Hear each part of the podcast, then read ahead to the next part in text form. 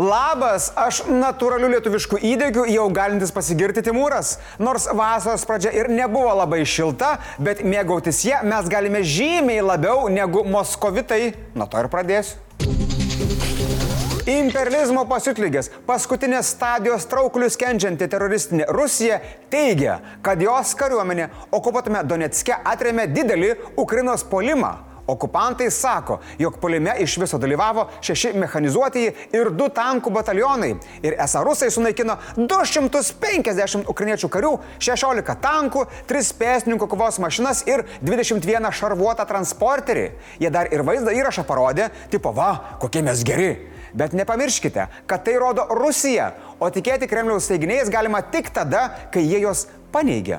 Vienas nepaneigiamas dalykas - Latvijos girtuokliai prisideda prie paramos Ukrainai. Žinau, kad skamba keistai, bet tai tiesa. Latvija jau perdavė Ukrainai 66 iš neblaivių vairuotojų konfiskuotus automobilius. Jeigu jūsų draugelis bandys panašiu būdu paremti Ukrainą, neleiskite, Lietuvoje tokių įstatymų nėra. O Rusijos savanorių korpusas ir legionas Rusijos laisvė šį kartą iš Rusijos teritorijos nesitraukė. Jie užėmė dalį Belgorodo srities ir ruošiasi žygiuoti toliau. Analitikai mano, kad Rusija nežino, kaip reaguoti į šį reiškinį. Nes teroristų gynybos ministerija iš įpročio sako, jog visus jau nugalėjo ir nieko ten nevyksta. Tuo tarpu srities gubernatorius praneša, kad pasienio kaimuose vyksta inirtingi mūšiai. Rusijos laisvės legionas teigia, kad Belgrado srities Šebekino rajone bepiločiais orlaiviais sunaikino du priešo tankus ir kitą techniką. O kol Rusijos valdžia galvoja, ką čia daryti, atsiranda tokių, kurie siūlo savo pagalbą. Štai Kadyrovas sako, kad su Belgrado užpolusiais rusais galėtų susidoroti čečienai. Aš kaip karinis ekspertas galiu pasakyti, jog galėtų, jei kova veiktų tik tokia renkant laikus. Pagalba siūlė ir nepavykęs Putino eksperimentas Prigožinas. Tas gal ir pajėgesnis, nors, žinant, kiek aukų ir laiko jam kainavo užimti Bahmutą ir kaip po to atrodė miestas, tai kažin, kažin. Ukraina teigia, jog Rusija rimtai ruošiasi artėjančiam, o gal ir prasidėjusiam kontrpolimui. Aišku, ne kažkokia ten nauja moderninė ginkluotė ruošia, o kaip visada, Rusijai įprastas dalykas - propagandos lavina. Rusijos telegram kanalai ir socialiniai tinklai planuoja aktyviau skleisti melagingą informaciją apie Ukrainos ginkluotojų paėgų kovinius veiksmus. Tai ateityje matysime ne vieną feiką. Būkime tam pasiruošę ir neskubėkime tikėti viskuo. Tiesiog sulaukite tiek žinių laidos ir jums bus pateikta kruopščiai atrinkta informacija. Na panašiai kaip vaisiai ir daržovės prekybos centre, tik žymiai geriau. Skestančiame durnių laive pavadinimu Rusija reto gerumo samišis. Žiūrkės pradėjo graužti vieną kitą. Karo nusikaltėliai nepasidalina, kas turi prisimti nuopelnus už karo nusikaltimus. Neseniai Prigožinas spaudos tarnyba išplatino pranešimą, kuriame teigiama, kad prie Samihorės kaimo esančio netoli Bahmuto jos samdiniai irgi karo nusikaltėliai susirėmė su Rusijos gynybos ministerijos kariškiais, kurie irgi yra karo nusikaltėliai.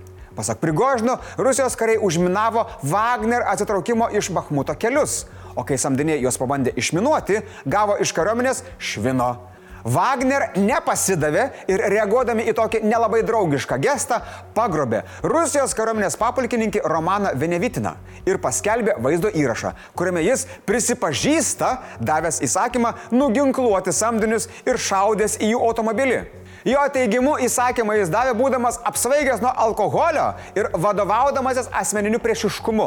Bet man, kaip ir Ukrainai, kaip ir šiaip visam pasauliui, ši situacija yra win-win. Buvęs Ukrainos saugumo tarnybos vadovo pavaduotojas Viktoras Jehūnas pasakoja, kad tokie konfliktai oficialios kariuomenės ir samdinių tarpe ne naujiena. Pasak jo, rusų kariai tiesiog pavydi vagneriškiams, nes šie yra geriau aprūpinami, geriau finansuojami, o dar ir per televizorių. Juos herojais vadina. Nu, vargšiukai tie ruskelių kareivukai, ne? Savo motinoms jie nerūpi. Jų žmona žiūrėdamas į juos mato tik naują ladą. Tai tie driskiai gyvena tik dėl to, kad per televizorių parodytų. Ai, ai, ai, ai. Beje, Jahūnas pridūrė, jo konfliktų pilna ir su kitais daliniais, pavyzdžiui, su čečienais ir kitais mafiozais. Galime prisiminti ir atvejį, kuris įvyko prieš daugiau nei metus, kuomet tuo metu dar okupuotame Hersone susišaudė buretai ir čečienai. Karo nusikaltėliai, dalindamėsi pavoktą grobį, nesugebėdami susišnekėti, išsitraukė paskutinius argumentus - automatus. Mafukams tik priminsiu, kad laikas, pinigai tai mažiau kalbų, daugiau darbų. Turbūt esate girdėję teiginį, jog Lietuva yra paprasta, maža agrarinė šalis. Štai vokiečiai turi Illuminatus, Britai masonų ložę, o mes o mes konservatorių prezidiumą. Būtent jame už uždarų durų šiandien buvo sprendžiamas Lietuvos valdžios likimas. TSLGD naujamešio skyrius, prieštaraujantis prieš laikinių rinkimų idėjai, siūlė sušaukti ne prezidiumą, o partijos tarybą. Tačiau, kaip tvirtino partijos vadovybė, prezidiumas šaukiamas tikrai ne dėl to. O tarybos klausimas nebus svarstomas, nes naujamešio skyrius nesurinko reikiamo kiekio parašų. Prieš aukščiausiosios partijos vadovybės susitikimą koalicijos partneriai vylėsi, kad konservatoriai apsigalvos. Liberalas Eugenijus Gendvilas siūlė Tevinės sąjungai nuryti nemalonų gumulą ir šiandien posėdėje persigalvoti. Jam antrino laisvėtis Mitalas, sakydamas, kad TSLKD bendruomenė turėtų žengti žingsnelį atgal. Na, jam lyg ir pritarė europarlamentaras Andrius Kubilius, sakydamas, kad žingsnelį žingsnio atgal variantas vis dar ant stalo. Na, aš nežinau, ar šiems vyrams yra tekę ryti tą nemalonų gumulą, na, bet geri kalbėti, ne? Visgi artėjant posėdžiui buvo daugiau mažiau aišku, kad įsivarę save į kampą konservatoriai nuo pirminės pozicijos nesitrauks. Frakcijos seniūnė Radvilė Morkūnaitė Mikulėninė sakė, kad reikia eiti suplanuotu keliu Dar penktadienį poziciją pakeisti siūlė ir partijos patriarchas Vytautas Landsbergis. Jis partiečiams parašė laišką ir paprašė partijos sekretoriato išplatinti. Sekretoriatas matyt prileido į kelnytės ir uždėlsi, todėl profesorius pats pasidalino juo Facebook'e. Šitas uždėlsimas neva nemenkai supykdė Landsbergį. Laiškė profesorius sakė, kad partijos ritualinis susideginimas aikštėje, tikintis tuo atpirkti visuotinę nuodėmę, nepadės Lietuvai, o tik pablogins padėtį. Posėdžio metu nuspręsta, kas bus su partijos nariais, kurie pateko į skaidrinam skandalą. Taigi partijos nariams, kurie negali pagrysti savo tarybos nario veiklai skirtų lėšų panaudojimo, rekomenduojama gražinti pinigus arba sustabdyti narystę partijoje. Nariams, kurių ataskaitos buvo paviešintos ir nėra pagrindinių paaiškinimų, draudžiama vienerius metus kandidatuoti į vadovaujančias pareigas partijoje, taip pat būti kandidatu artimiausiose Seimo, savivaldos, Europos parlamento ir prezidento rinkimuose. Na bet pirmalaikių rinkimų idėjos neatsisakė. Landsbergis sako, kad kiekvieno Seimo nario apsisprendimo sprendimo teisė dėl pirmalaikių rinkimų. Konservatoriai jokių nurodymų neteiks. Dar jis pasakė, kad... Aš noriu, na, kad čia nesijaustų, kad čia yra pirmininko kažkoks tai ten sprendimas. Tai yra kiekvieno Seimo nario esamos politinės situacijos vertinimas. O pirmalaikiai rinkimai jam čia jokia sumaištis, tik normalus politinis procesas. Žinot, o man atrodo, seniai jau buvo galima viską išspręsti, jei konservatorių prezidiumas būtų skaitęs jūsų komentarus po mūsų laidomis. Dar kartą parašykite, ką jiems dabar geriau būtų daryti. Parašykit drąsiai, gal jie paskaitys pagaliau. Prasidėjo abiturientų košmaras. Tiesa, ne visų abiturientų, bet tai košmaro baisumo nemažina. Košmaras startavo su lietuvių kalbos ir literatūros egzaminu. Jį laikė daugiau nei 26 tūkstančiai abiturientų. Viskas vyko sklandžiai. Užduotis pasiekė mokyklas laiku, o procese jokių naujovių. Moksleiviai galėjo naudotis suskaitmenintais privalomų autorių kūriniais kompiuteryje. Žinoma, šiais metais bus viena naujovė, bet tik tada, kai egzaminas bus išlaikytas. Turbūt vienintelė naujovė, kad abiturientai gaus skaitmeninius brandos atestatus, juos galės iš sistemos pasiimti ir jiems nereikės laukti, kol mokyklos išspausdins. Vadinasi, nebus galima išmesti į šiukšlių dėžę tik į kompiuterio recycle bin. Klikt ir viskas. Tik neapsėta be skandalų. Socialiniuose tinkluose kilo šurmulys, kai viešoje erdvėje išplito tarimo egzamino temos. Nacionalinė švietimo agentūra iškart sureagavo. Taip, tokią informaciją gavom, ji buvo labai operatyviai patikrinta ir įsitikinus, kad informacija yra melaginga, buvo pranešta kriminaliniai policijai, kurie ėmėsi savo veiksmų. Nulykintose užduotise buvo parašyta, kad teks rašyti apie aukojimąsi, žmogaus tobulėjimą, susivienijimą literatūroje ir augalų motyvus. Bet pirmieji iš egzamino išėję moksleiviai patvirtino, teko rašyti visai apie kitus dalykus ir remtis kitais autoriais. Per keturias valandas dvyliktokams teko parašyti 500 žodžių rašinį iš temų apie savivertę, žemdirbystę, moters vaizdavimą ir tobulumo siekius. Nieko savo temos, ne? Na, aš gal tik moterių vaizdavimo ekspertų galiu save vadinti. Na, gerai, dar kažką apie tobulumo siekimą galėčiau parašyti, bet, nu, šiaip tai turbūt daugiau ne. Prašymus laikyti brandos egzaminus šiemet pateikė daugiau nei 27 400 abiturientų. Brandos egzaminus laikyti gali tie abiturientai, kurių metiniai įvertinimai yra nežemesni nei ketvirtas.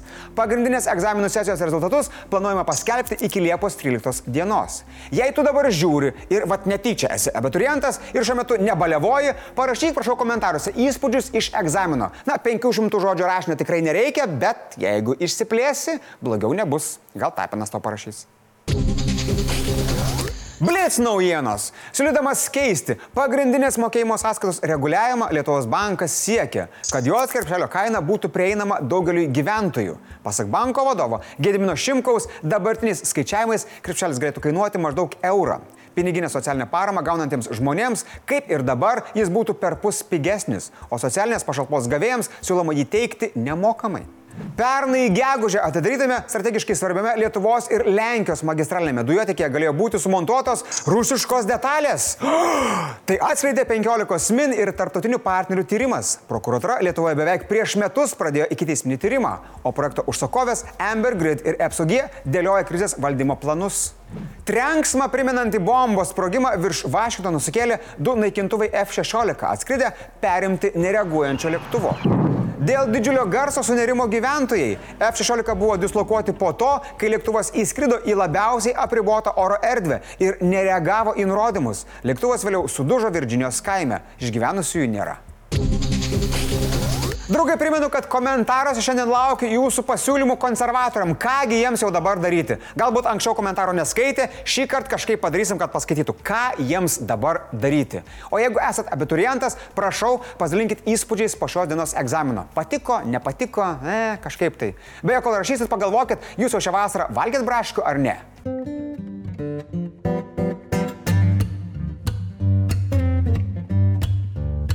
Komentarų apžvalga. Aš šiaip žinokit, labai jūs visus mėgstu, nes jūs taip mumis pasitikit, kad ateinat į komentarus palikti savo minčių srauto. Kaip pavyzdžiui, Valdas Dainius. Jaučiuosi lyg koks psichologas būčiau. Jūs tik kalbėkit, aš išklausysiu. Na, skrybo ženklai net ir po mokyklos baigimo galėtų būti naudojami, bet neteisiu, tikrai neteisiu. Aišku, komentaruose vis atsiranda ir to šūdino rusiško munduro valytojai. Šitai smirda ir mėgti juos yra sunkiau, nu bet. Mr. De facto komentaruose pasakoja, kad rusai nesitaikė raketomis į moterį ir vaiką ir todėl jos nužudė netyčia. Juk ukrainiečiai anot tipo irgi kartais pataiko į civilius. Pala, pala. Mr. De facto, pseudonimas, anonimas, gėda būti matomam, intelektinių gebėjimų ir talento stygis, pala, pala. Tratai, čia tu? Tratai, čia tu rašinėjai? Prisiduok. Šiandien tiek žinių. Iki.